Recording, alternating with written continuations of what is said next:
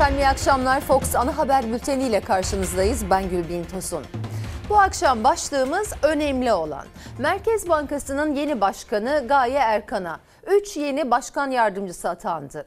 Önemli olan liyakat açısından doğru bulunan bu adımların ardından yeni yönetimin bağımsız olup olamayacağı. Merkez Bankası'nın enflasyon beklentisi arttı. Önemli olan maaş zamlarının da artırılıp artırılmayacağı. Sizler için önemli olan neyse yazabilirsiniz. Hemen başlayalım bültene. Seçimden sonra göreve gelen Merkez Bankası'nın yeni başkanıyla Erdoğan'ın faiz sebep enflasyon sonuç tezi terk edildi ve banka faiz artırımına başladı. Başkan değişiminin ardından Erdoğan'ın baskısıyla faiz indiren para politikası kurulundaki 3 isim de koltuklarına veda etti. Yerlerine yeni üyeler geldi. Muhalefetin ekonomi sözcüleri bile artık Merkez Bankası'nın yönetiminde liyakatlı isimler var diyor. Türkiye Cumhuriyet Merkez Bankası tamamıyla bağımsız bir kurumdur. Merkez Bankası Başkanı Hafize Gaye Erkan'ın bağımsızlık vurgusu yaptığı gün seçimden önce Cumhurbaşkanı Erdoğan isteği üzerine faiz indirme kararlarının altına imza atan 3 yardımcısı değişti. Yine Cumhurbaşkanı Erdoğan'ın atama kararıyla ama bu kez yerlerine gelen isimler pek çok ekonomistten tam not aldı. Başkan Erkan'dan sonra 3 yeni yardımcısı da Boğaziçi Üniversitesi mezunu. Profesör Doktor Hatice Karahan, Doktor Fatih Karahan ve en dikkat çeken isim Doktor Osman Cevdet Akçay. Dünya belli bir sıkılaşma moduna girerken ben illa faizi indireceğim inadıyla TCMB gittiği tarihten itibaren aslında kur fırladı gitti. Sonunda Türkiye Cumhuriyeti Merkez Bankası'na yakışan çok liyakatli ve önemli atamalar yapıldı. İlerisi için umutlanmamak mümkün değil. Biz bir model peşinde koştuğumuz için ben buna hayalet kovalama diyorum yıllardır. Eğer kitabı reddederseniz çıplak gözle galaksiye bakan piknikçi gibi oluyorsunuz. Faiz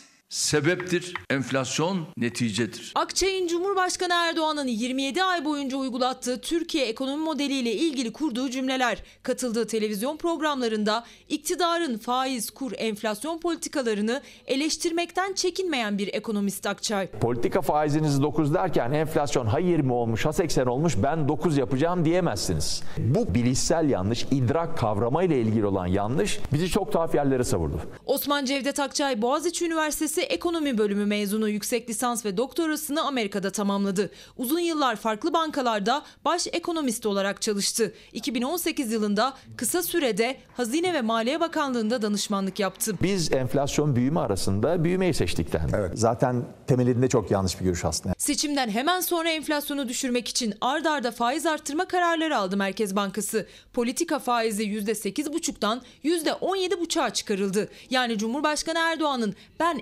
ekonomistim diyerek Türkiye'ye uygulattığı düşük faiz politikasından vazgeçildi. Enflasyondan bağımsız bir politika faizi çok anlamsız bir şey zaten. Siz ne kadar iyi iktisatçı getirirseniz getirin eğer Cumhurbaşkanı Erdoğan faiz sebep enflasyon sonuç cümlesini önümüzdeki aylarda tekrar kullanacak olursa bu getirdiğiniz kişilerin hiçbir hükmü kalmayacaktır. Merkez Bankası yardımcılığına atanan isimlerden biri de Boğaziçi Üniversitesi İşletme Bölümü mezunu Profesör Doktor Hatice Karahan. 2017 yılından bu yana yani Erdoğan düşük faiz politikası uygularken de baş danışmanıydı Karahan.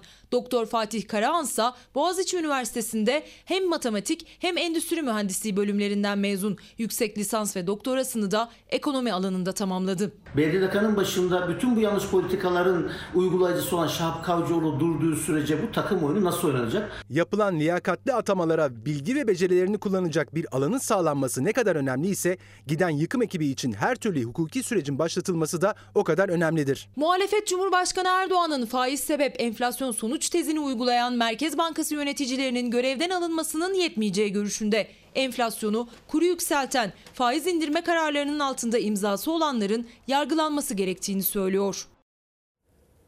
Gaye Erkan önceki başkandan daha gerçekçi olması ve üç yardımcısını değiştirebilmesi nedeniyle beğeni topladı. Ama bir kesim de bunu haklı olarak eleştiriyor. Çünkü aslında nasıl tepkisizleştirildiğimizin de kanıtı oldu.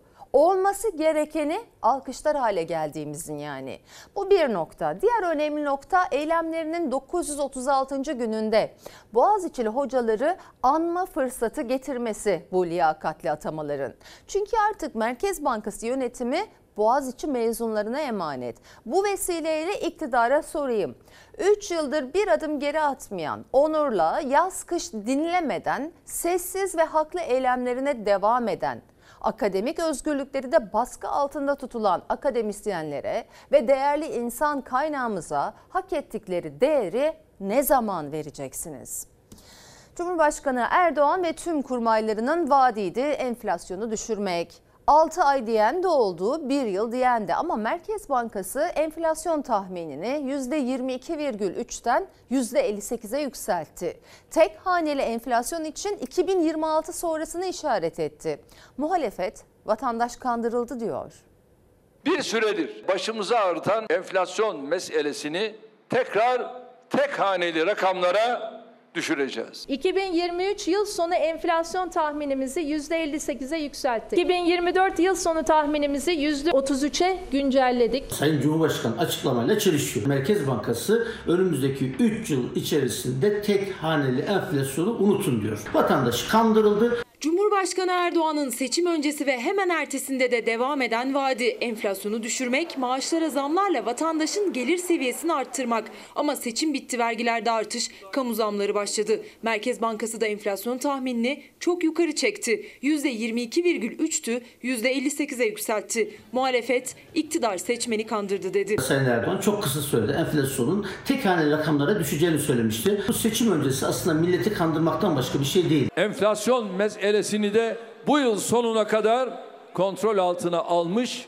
Önümüzdeki yıl tamamen çözmüş olacağız. Amacımız enflasyonu tek haneye indirmektir. Ne zaman? Hep de hayal edersiniz de şöyle bir uyusam da 6 ay sonra uyansam diye. Zirveyi ikinci çeyrekte bekliyoruz. Seviyede 60 civarında tahminlerimizde. Enflasyon düştü, düşüyor, düşecek. 6 ay, 1 yıl, gelecek yıl açıklamaları iktidardan hemen herkesin dilindeydi. Hazine ve Maliye Eski Bakanı Nurettin Nebati 2022 yılı Haziran ayına randevu vermişti heyecanlı ama %78,62 oldu enflasyon. Bu kez 2023 yılına hedef koydu. Yıl sonundan itibaren de bu düşüşü daha net bir şekilde hissetmeye başlayacağız. 2025 yıl sonunda enflasyonun %15'e gerileyeceğini tahmin ediyoruz. Hazineye milyarlarca lira yük getiren kur korumalı mevduat sistemine rağmen dolar 27, euro kuru da 30 lira seviyesinde ve Merkez Bankası 2023 yılı enflasyon tahminini %58'e çıkarırken en önemli etken döviz kuru dedi. Orada da büyük bir yalanın ortaya çıktığını hep beraber görüyoruz. Bu kardeşiniz iktidarda olduğu sürece faiz yükselemez. Ve göreceksiniz enflasyonda faizle beraber düşecek. Tayyip'den Roma mızrağı çıktı. Resmen insanlar kandırıldı. Büyük zamlar var ve bu zamlar tek adam sisteminde Cumhurbaşkanı yap. Onu da söyleyelim. Cumhurbaşkanı Erdoğan'ın faiz sebep enflasyon sonuç teziyle 27 aydır faiz indirdi Merkez Bankası ama enflasyon düşmeyip %85'i aşınca seçimden hemen sonra faiz artırımına başladı. Buna rağmen enflasyon 3 yıl boyunca tek haneye inmeyecek dedi Merkez Bankası'nın yeni başkanı. Oysa seçim öncesi iktidar hep pembe bir tablo çizmişti. Temmuz ayından itibaren benim ülkemin ekonomisi öyle bir atağa kalkacak ki, öyle bir sıçrayacak ki, etrafımızdaki Almanya'sı da, hele o her şeye burnunu sokan Amerika'sı da çatlayacak, patlayacak. Hazır mıyız buna? Vatandaşın gerçekten çok ciddi bir şekilde seçim öncesinde bu hükümet tarafından, bu hükümetin başı tarafından aldatıldığını açık seçik ortaya koyuyor. Fiyatların hem aşağıya çekilmesini temin edeceğiz hem de ücretlerin yukarıya doğru çıkarılmasını için bütün gücümüzle çalışacağız. Akaryakıttan gıdaya zamların önüne geçilemedi. Merkez Bankası'nın yeni enflasyon tahminiyle son 6 ayda ortalama %32'lik bir enflasyon bekleniyor. Olan da maaşına o oranda zam alamayan işçiye, memura, emekliye olacak. Enflasyon, artan vergiler, fahiş yükselen kiralar, vatandaşın bütçesi yanarken acil ve insani ihtiyaçları dahi karşılamaya yetmeyen maaşlar için eylem üstüne eylem yapılıyor. Özellikle emekliler için ses yükseltiliyor. Disk ise çalışandan alınan verginin patrondan alınmadığını söyleyip dilim dilim soyuluyoruz diyerek vergi adaletsizliği için meydandaydı. her Her şey çok pahalı. Çocuklarımıza süt bile alamıyoruz. Nasıl alacağız? Asgari ücretle geçiniyoruz. Evlerimiz kira. Seçimin hemen sonrası yapılan vergi artışları, iğneden ipliğe gelen zamlar, eriyen maaşlar, tepki büyük, sendikalar, partiler bir kez daha alanlara indi. O alanda AK Parti'ye oy verenler de tepkiliydi. Asgari ücret 10,5 milyar, 10,5 alıp da 10 milyar kira. Nasıl geçinecek millet? Biz ona reis diye oy veriyoruz. O da milleti iyice ne eziyor. Olmaz. Bir daha da oy alamaz. Benim eşim emekli 7500 maaş alıyor.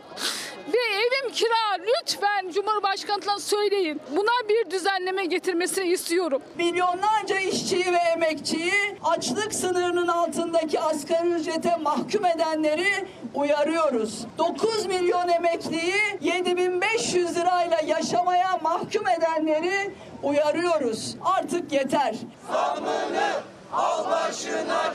Disk Türkiye'nin dört bir köşesinde zamları protesto etti. CHP İzmir'de, İyi Parti Ankara'da sokaktaydı. Maaşlara yapılan zamlarda en çok mağdur olan kesim emekliler meydanlardan ses yükseltti. Memur emeklerine %25 zam verdi. Ya Allah aşkına biz aynı bakkala gidiyoruz, aynı markete gidiyoruz. Memura sütü alırken 50 lira deyip de bana 30 lira mı diyor? 12 senedir emekliyim. Aldığım para 7600 lira. Kira kaç lira? 9000 lira. Ne yiyeceğim benim? Açım, aç. Niye sevmiyorlar? Ne yaptık biz ya? Verilen %25 zamma tepki gösteren emekliler bir düzeltme beklerken tüm bu çağrıların üzerine yapılan ÖTV ve MTV artışlarına da öfkeli. Çünkü az kazanandan da aynı vergi alınıyor, çok kazanandan da. Gelirde adalet, vergide adalet istiyoruz. Milyonlarca işçi yıl içinde bir üst vergi dilimine girdiği için çok ciddi bir biçimde gelir kaybına uğruyoruz. Patronların vergileri sıfırlanırken biz dilim dilim soyulmaya devam ediyoruz. Hakkaniyetsizlik, adaletsizlik, vicdansızlık olmaz bu kadar ya. Emekli, işçi, zamlar geri çekilsin, vergi adaleti sağlansın, maaşlarda iyileştirme yapılsın diyor. İktidara her gün seslerini duyurmaya çalışıyorlar. Akaryakıt zamları durmuyor. Motorine gece yarısı tam 1 lira 45 kuruş zam geldi. Ve benzinden sonra motorinde 35 lirayı aştı.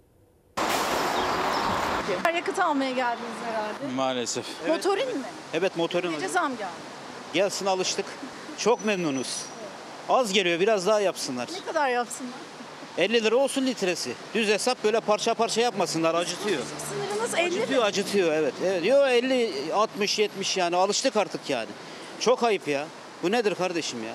İnsanların aklıyla dalga mı geçiyorsunuz? Ard arda gelen akaryakıt zamlarına bir yenisi daha eklendi. 1 lira 45 kuruşluk son zamla motorinde 35 lira sınırını aştı. Bir zamanlar hep 50 liralık alarak zamlardan korunmaya çalışan tüketici artık litresinin 50 liraya çıkmasını dillendirmeye başladı. Psikolojik sınırlar adım adım geçiliyor. Uzun zaman sonra 5 liranın altını görmüştü benzin. Tarih 17 Haziran'dı. Aradan bir ay bile geçmedi. Gelen yeni zamla benzin yeniden 5 liranın üzerinde. Sınırlar 5 liradan 50 liraya çıktı. Tarih 2017 idi. Psikolojik sınırlarda 5 lira çoktan aşılmıştı. Gelen son zamla 35 liranın üzerine çıktı akaryakıt. Şimdi psikolojik sınırlarda 50 lira telaffuz ediliyor. Ya inşallah 50'de durur yani artık bence. Durmalı. Eminsiniz 50'ye çıkacağını. Kesin. Ne kadar tutabilecek ki yani? Dolar yükseldikçe ne kadar tutabilirsin yani? Sabit.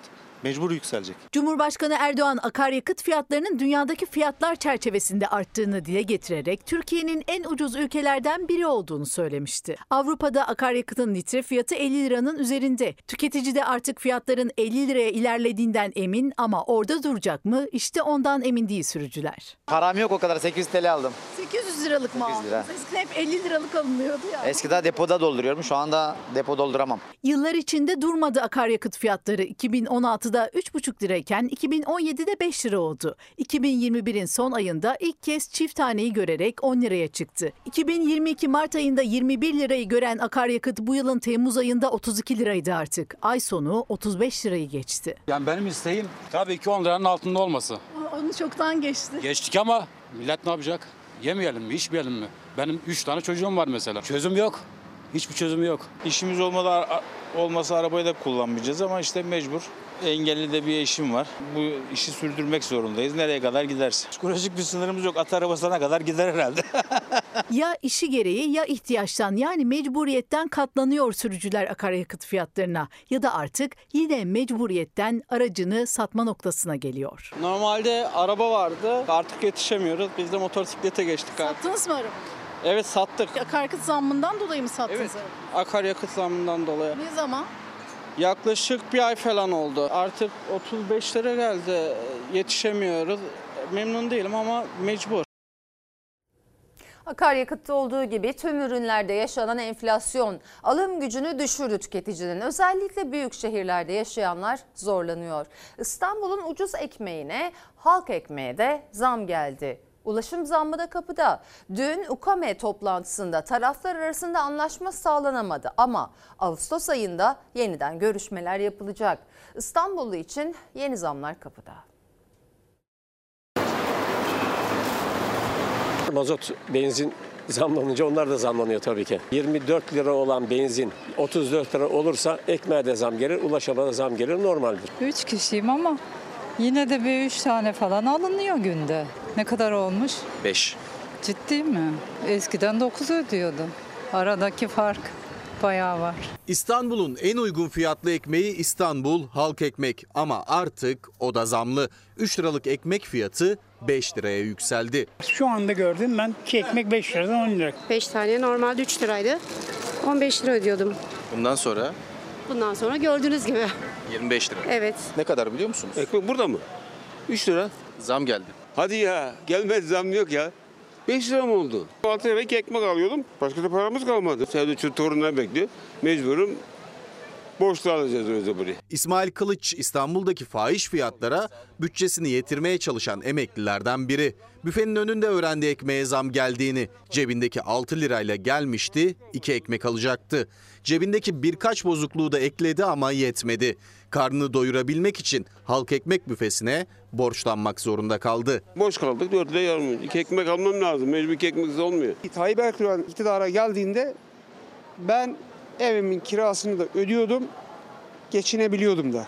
Şimdi ekmeğin hesabını yapıyoruz. Dar gelirli artık ekmeğin hesabını daha sıkı yapmak zorunda. Çünkü 3 liralık halk ekmek 5 liraya yükseldi. Üstelik yeni zamlarda kapıda ulaşım ücretlerine de zam gelecek. Zam kesin ama oranı henüz belli değil. Böylesi bir ortamda biz mecburuz zam yapmaya, sübvanse ediyoruz diyorum. Kimse keyfinden zam yapmıyor. E, ister istemez bizim de e, bir kamu kurumu olarak ulaşımdan diğer usulara kadar e, yansıtılmak zorunda. Ulaşıma yapılacak zamların görüşüldüğü toplantıda personel servisleri %200 zam talep etti. Taksiciler %100, okul servisleri ise %82. İstanbul Büyükşehir Belediyesi'nin talebi ise %57 idi. Ulaştırma Bakanlığı yetkilileri ise %40'tan fazla zammı kabul etmedi. Anlaşma sağlanamadı. İstanbul Büyükşehir Belediyesi Başkanı Ekrem İmamoğlu hizmetin önünü kesmek istiyorlar diyerek tepkisini gösterdi. 5-6 tane usulsüz üye aktararak e, UKM üzerinden e, kararları engelleyen e, süreçleri yaşıyoruz. İstanbul'un nitelikli ulaşım hizmeti engellenmek hatta yapılmasın buradan siyasi rant elde ederim anlayışı vardır. İstanbul'da ulaşım zammı Ağustos ayına kaldı. İstanbullular bir süre daha mevcut fiyatlardan kullanacaklar toplu taşımayı. Ama zaten her gün artan fiyatlarla boğuşmak zorundalar. Bu sürdürülemez hale gelecek yakında yani. Sabit gelirliler için çok zor yani bu orta sınıf da dahil. Kuru ekmeğe muhtaç ettiler, soğana muhtaç ettiler, her şeye muhtaç ettiler. Bir izleyicimiz demiş ki önemli olan iktidarın iktidarda kalması gerisi teferruat. Emeklilerin halini izlediniz. O emekli amcanın herhalde parası olsaydı 6 lirayla çıkmazdı dışarıya. Ee, hakikaten e, hak vermemek elde değil dedim bu izleyicimize. Çünkü ne zaman zam yapılması planlanıyor? Yeni yılda yani Ocak ayında belki emekliler alabilecekler. O da ne zamana denk geliyor? Yerel seçimlerden hemen öncesine. Efendim eskiden üniversiteye girebilmek zordu. Ağır ekonomik koşullarda artık üniversiteyi bitirmek daha zor. Birçok öğrenci kazansa bile şehir dışını tercih etmiyor. Barınma en büyük sorun çünkü.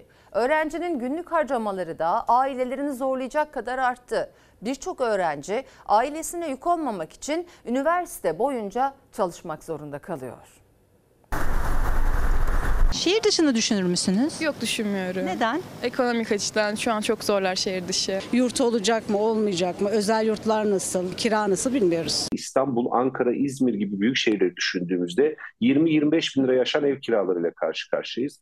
Yurtları düşündüğümüzde en düşük ücretlerin 40-45 bin liradan başlayıp 150 bin liraları bulduğunu görüyoruz. Bu 40-45 bin lira da eğer bir odada 5-6 kişi kalmayı kabul ederseniz. Üniversiteyi kazanan öğrenciler için tercih dönemi sürüyor. Aileleri de kara kara düşünüyor. En büyük sorun barınma. Devlet yurtlarının kapasitesi yetersiz. Özel yurt ücretleri birçok aileye göre yüksek. İstanbul'da ev kiraları ise 30 bin liraya kadar varıyor. Bir asgari ücretlinin e, bir maaşını verdiğinde çocuğunun 9 ay boyunca üniversitede bir yurtta kalmasını sağlamaya yetmediğini görüyoruz. Başka şehirde olsak çocuğu nasıl İstanbul'a yollayacaksın? Hem çok büyük bir şehir hem işte çok karman çorman bir şehir hem pahalı bir şehir. Üniversiteye başlayacak öğrenciler artık sadece tercih edecekleri bölümü değil, yaşayacakları, öğrenim görecekleri şehri de düşünmek zorunda. Çünkü devlet yurtlarına girmek zor, şehir dışında özel yurtlar ve ev kiraları ise çok pahalı. Sevdiğimiz bölüm artık ikinci planda kalıyor çünkü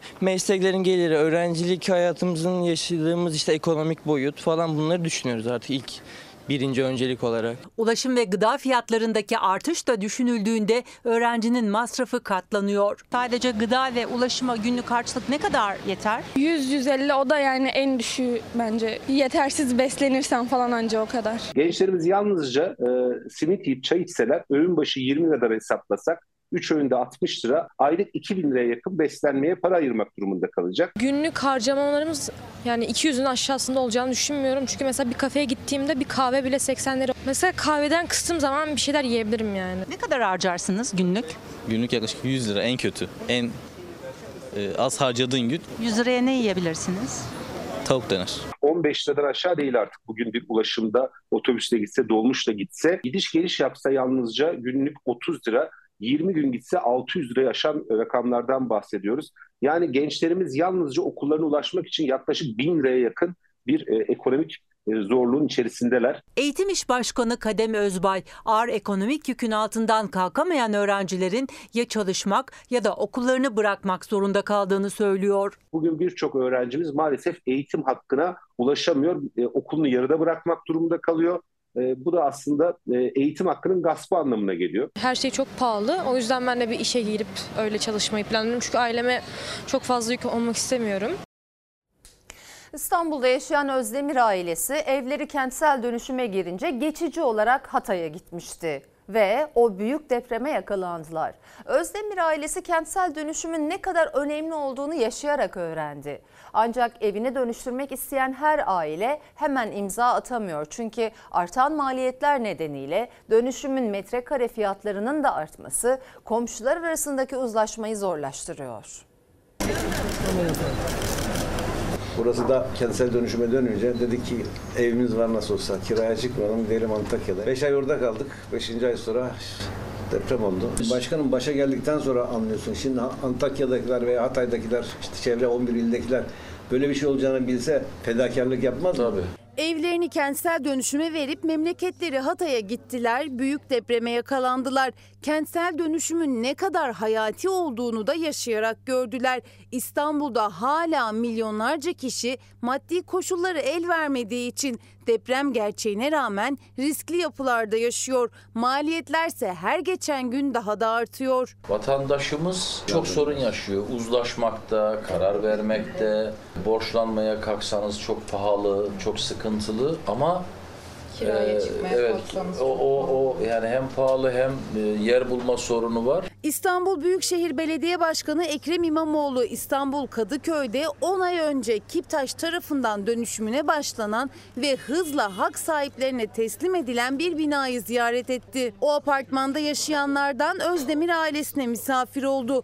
Fulya Mehmet Özdemir çifti evleri dönüşüme girince İstanbul'da kira masrafı olmasın diye memleketleri Hatay Kırıkan'a gitmişlerdi.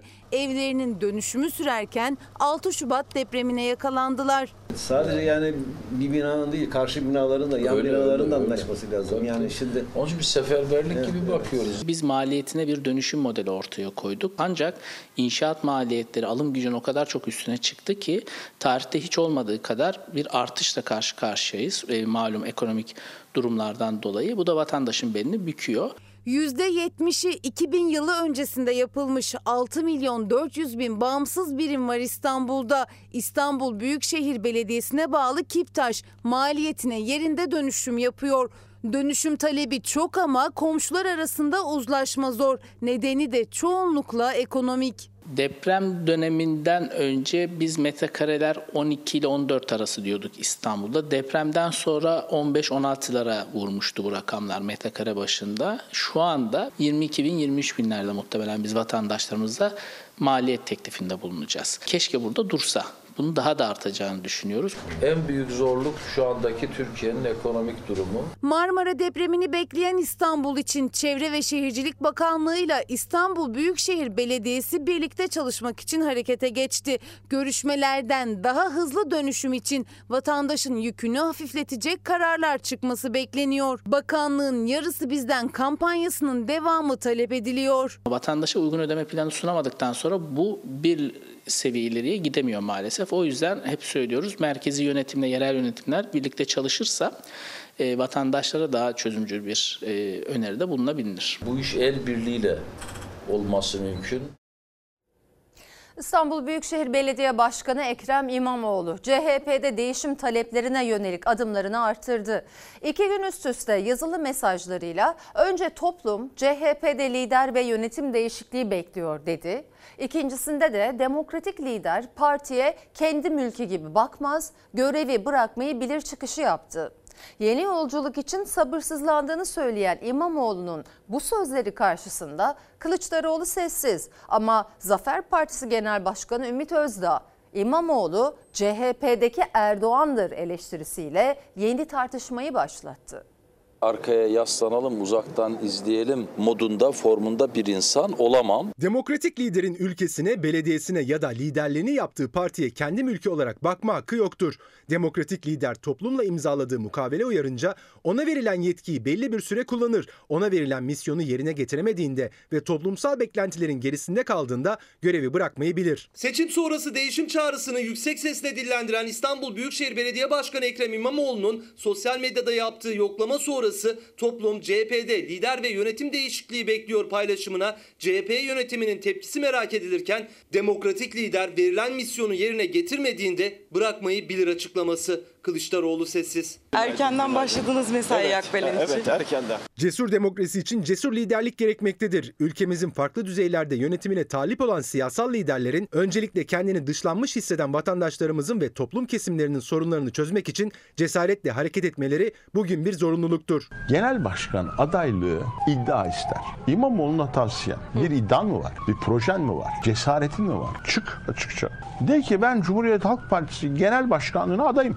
İmamoğlu değişimin yol haritasına ilişkin gazete Oksijen için kaleme aldığı yazıda yeni bir siyasal örgütlenme ve güçlü liderlik vurgusu yaparken dikkat çeken çıkış Zafer Partisi Genel Başkanı Ümit Özdağ'dan geldi. İmamoğlu için CHP'deki Erdoğan dedi. Ben İmamoğlu'nu CHP'deki Erdoğan olarak görüyorum. İmamoğlu'nun ama Erdoğan'dan farklı olarak siyasi bir kutsalının da olmadığını düşünüyorum. İnternet sitesi kurdum. Vatandaş böyle istiyor. Şöyle istiyor. Bu doğru değil. Süreci en üst seviyede ilgiyle, alakayla takip edip, analiz edip çalışan, gerektiğinde de sesini çıkaracak olan, parti içi meseleleri partide, kamuya dönük olması gereken süreçlerde kamu kamuya açık bir şekilde paylaşmaktan asla geri durmam. İmamoğlu'nun değişim üzerine açtığı internet sitesine gelen görüşlerle ilgili toplum lider değişimi bekliyor paylaşımına da liderin partiye kendi mülkü gibi bakma hakkı yoktur, görevi bırakmayı bilir açıklamasına da Kılıçdaroğlu'ndan tepki yok. Ümit Özdağ Mavi Karadeniz TV'ye konuştu.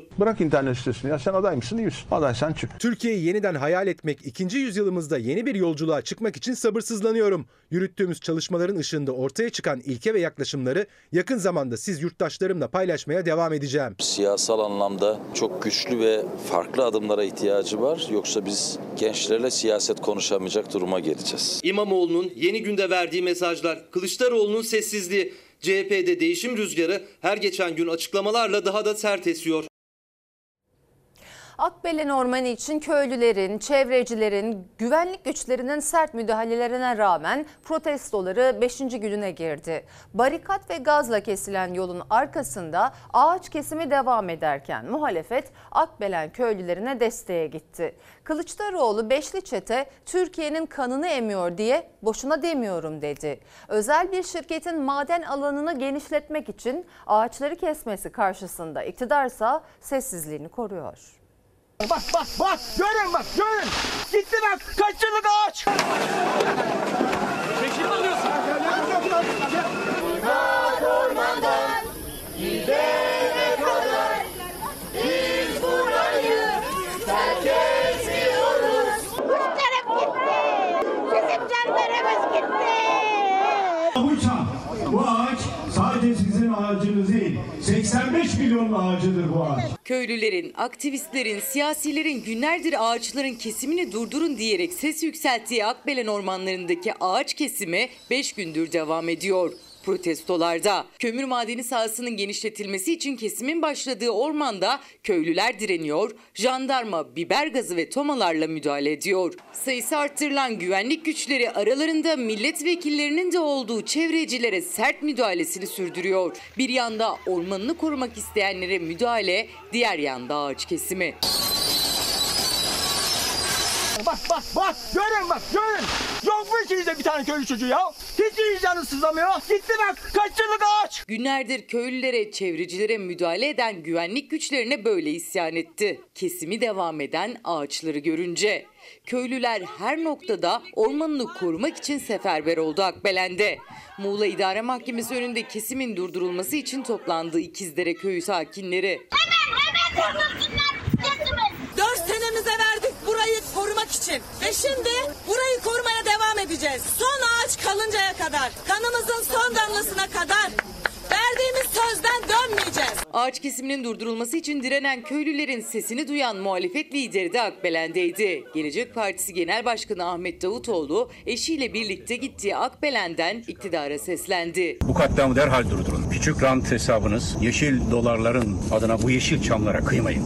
CHP lideri Kemal Kılıçdaroğlu ağaçların kesildiği ormana giderek köylülere destek verdi. Ormanın içinden maden sahasını inceledi, köyün kadınlarından bilgi aldı. Ağacı kestiğinizde suyu kesmiş olursunuz. Ağacı kestiğinizde oksijeni bitirmiş olursunuz. Bütün dünya bunu biliyor ama bir avuç çete bunu bilmiyor.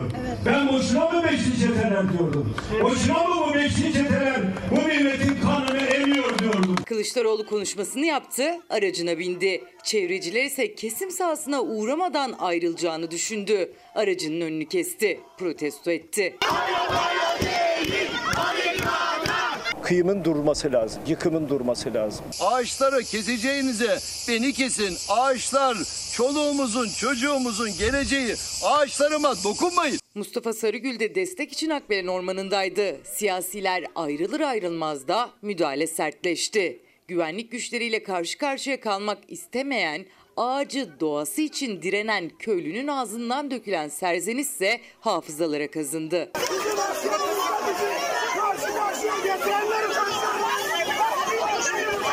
Orman yangınlarıyla Türkiye'nin günlerdir içi yanarken Akbelen köylüleri ormanlarını korumak için 5 gündür can siperhane direnirken özel bir şirkete tanınan maden sahası uğruna ağaçlar bir bir devrilirken hükümet sessizliğini koruyor.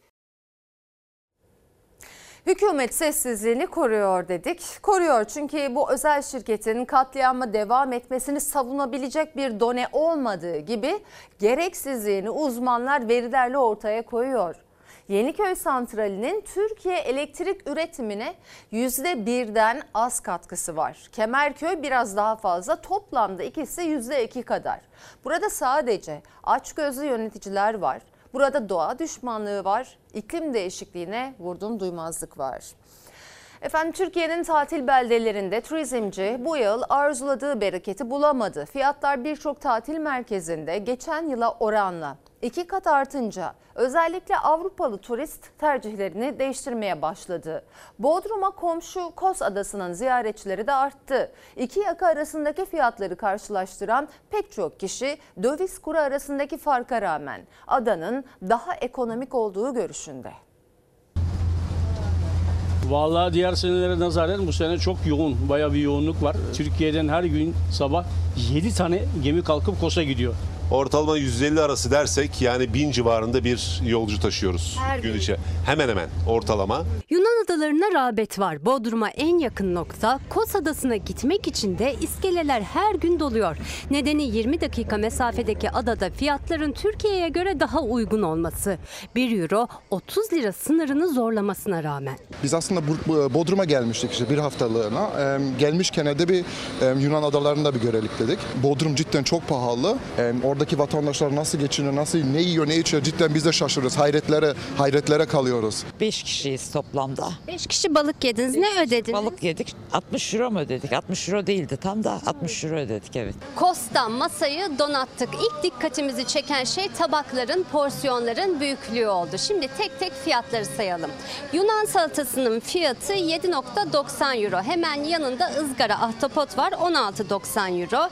Hemen onun da yanında yine aynı şekilde ızgara levrek istedik. O da 16.90 euro. Kalamarımız var. Kalamarın fiyatı da 11.90 euro.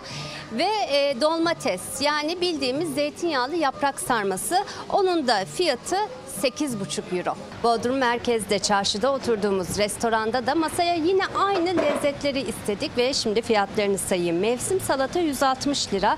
Zeytinyağlı sarma yoktu. Kabak çiçeği tercih ettik. Onun yerine 180 lira. Deniz levreği 450. Ahtapot ızgara 495 ve kalamar tava 450 lira. Toplam 1735 lira tutuyor hesap. Yani hem hizmet kalitesi daha iyi hem de fiyatlar daha uygun Bodrum'da ama işin içine alkollü içecek dahil olunca durum tersine dönebiliyor. Bir de Avrupalı turist için ulaşım ve konaklama Karşıyaka'da Bodrum'a kıyasla daha uyguna geliyor. Burada bütün Avrupa'dan müşteri geliyor. En çok İngiltere, Almanya, Hollanda. Çoğunlukla Hollanda'dan misafirlerimiz geliyor. Onu Almanya takip ediyor. Babam Foça'dan, annem Ayvalık'tan gelmiş. 43 yıldır burada çalışıyorum. Gençtim ve güzeldim buraya ilk geldiğimde. Bakın şimdi kel kaldım. Yıllardır Kos Adası'nda turistlere hizmet veren Yanis Yağcıoğlu'na göre de Avrupalı turistin bu yıl daha çok Yunan adalarını tercih etmesinin nedeni ekonomiden de öte psikolojik. Avrupa'da enflasyon tek haneli. Yunanistan'da son olarak enflasyon %2,7 olarak açıklandı. Türkiye'de ise fiyatlar ikiye katlandı. Örneğin 4 insan burada 120 euro öderken aynı masaya Bodrum'da 150 lira ödüyor. Lira euro karşısında güçlü olmadığı için Türkiye'deki meslektaşlarımız fiyatları buraya dengelemeye çalışıyor. Burada fiyatlar orta seviyede çok yükseğe çekemeyiz. Çünkü buraya gelen insanlar çok zengin değil. Çalışan maaşlı insanlar. Eskisi gibi orta halli insanlar yok artık. Çünkü ucuz değil. Biz de ucuz değiliz. Orası da ucuz değil.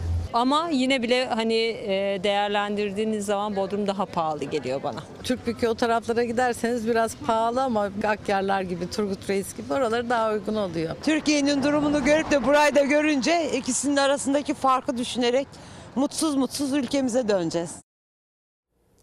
Kocaeli Gebze'de bir kadın oğlu ve köpeğiyle markete gitmişti. Onları gören bir kişi köpeği bahane ederek önce köpeğe ardından kadına ve oğluna saldırdı. Kadın 28 günlük hamileydi, saldırıda düşük yaptı.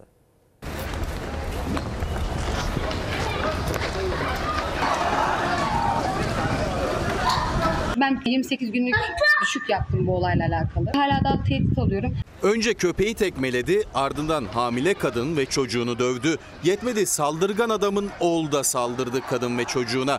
Cansel Dursun aldığı darbelerle karnındaki 28 günlük bebeğini kaybetti. Saldırgan baba ve oğluysa gözaltına bile alınmadı. Bu boş boş köpekleri nerede nasıl zannedip besliyorsunuz? Bilmem ne yaparım gibi tehdit belki konuşarak köpeğime uçan tekme attı. Köpek zaten buradan oraya uçtu. Adam tekme atarken yere düştü. Yerden kalktı beni tekme tokat evir çevir meydan dayağı atar şekilde sokak ortasında dövdü. Oğlumu düşürdü. Oğlum buradan burası yarıldı. Kocaeli Gebze'de 6 yaşındaki oğlu ve köpeğiyle markete gitti Cansel Dursun. Saldırgan önce köpeği tekmeledi, ardından kadına saldırdı. Tekme ve yumruk attı, yerlerde sürükledi. Cansel Dursun'un 6 yaşındaki oğlu da sokak ortasında şiddete maruz kaldı. Oğlu geldi. Bana bir uçan tekme attı. Zaten öldürmeye teşebbüs kafama direkt geldi. Yüzüm gözüm morardı. Olay yaşanırken saldırgan adamın oğlu da saldırıya dahil oldu. O da Cansel Dursun'a tekme attı. 28 günlük hamile kadın olayın ardından düşük yaptı. Ama saldırganlar hala serbest. Dışarıda da çıkamıyorum. Markete de gidemiyorum korkudan. Hani tehditle baskı altındayım. Can güvenliğim yok şu anda benim. Abisi geldi kapıya. Seni öldürürüz, seni keseriz, parçalarını kimse bulamaz, şikayetçi olmayacaksın. Soruşturma açıldı ama ben bu adamın dışarıda kalmasını istemiyorum. Bugün bana yapar, yarın başkasının karısına yapar. Eli kolu dışarıda boş dolaşıyor adam. Saldırıya uğrayan Cansel Dursun saldırganların bir an önce cezalandırılmasını istiyor. En erken şekilde en ağır cezayı almasını istiyor. Bugün bana bunu yapan yarın başkasının eşini veyahut da başka bayanları öldürebilir. Avşa Adası'ndan İstanbul'a hareket eden deniz otobüsü yolculuk sırasında fırtınaya yakalandı. Yolcular Marmara Denizi'nin ortasında korku dolu dakikalar yaşadı.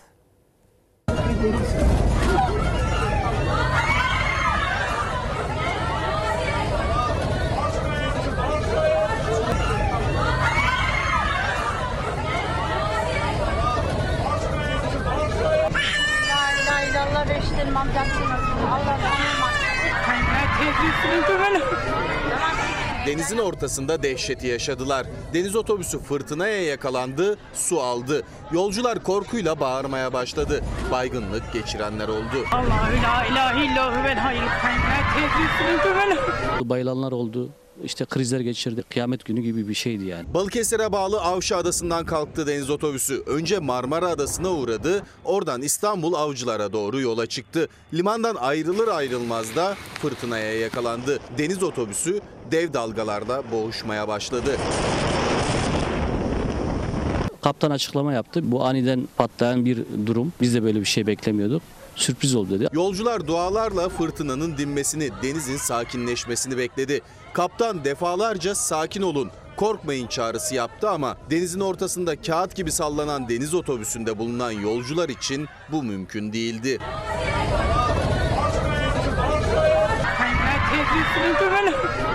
3 saat sürecek olan yolculuk 4 saat sürdü. Millet perişan oldu. 4 saatlik yolculuğun ardından deniz otobüsü karaya yanaştı. 6 yolcunun fenalaştığı korku dolu seferin ardından yolcular derin bir nefes aldı.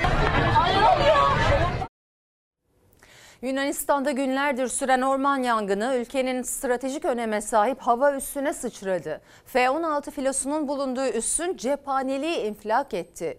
Bir türlü söndürülemeyen yangınlar nedeniyle eleştirilen Yunan hükümetinden bir de istifa haberi geldi. Yangınlarla mücadele devam ederken tatil yaptığı ortaya çıkan Vatandaşı Koruma Bakanı istifa etti.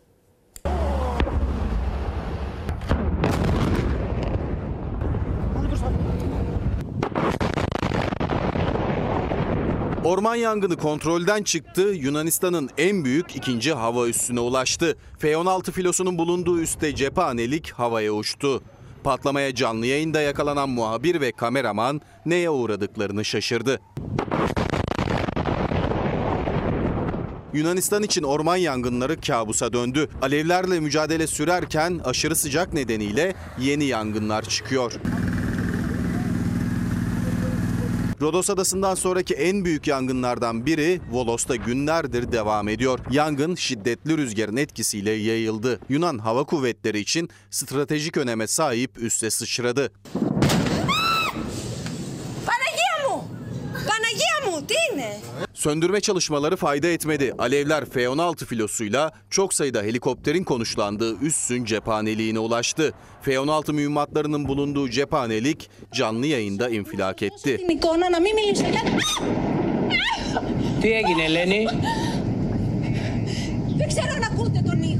Patlamanın şok dalgası canlı yayındaki muhabir ve kameramanı savurdu. Üsse yakın evlerin camları parçalandı.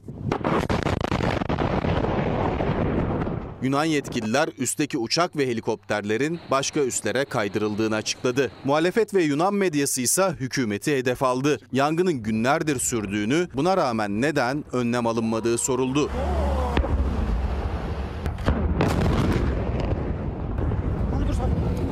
Üstteki patlama Atina'yı karıştırırken hükümetten ilk istifa geldi. Yangınlar sırasında tatilde olduğu ortaya çıkan vatandaşı koruma bakanı Mitarakis'in görevi bıraktığı açıklandı. Yunanistan'da ay ortasından beri süren orman yangınlarında şu ana kadar 4 kişi hayatını kaybetti. Hem adalardan hem de anakarada on binlerce kişi tahliye edildi. Rusya'da turistleri taşıyan helikopter iniş sırasında düştü. Düşme anını kameraların kaydettiği kazada 6 kişi hayatını kaybetti, 7 kişi yaralandı.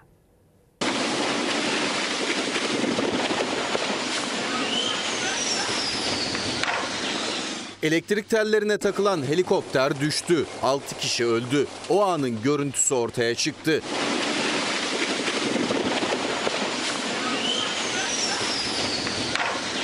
Kaza Sibirya'nın güneyindeki Özerk Altay Cumhuriyeti'nde meydana geldi. Bölgeyi ziyaret eden turistleri taşıyan Mi-8 tipi helikopter inişe geçti. Yere metreler kala pervanesi elektrik tellerine takıldı.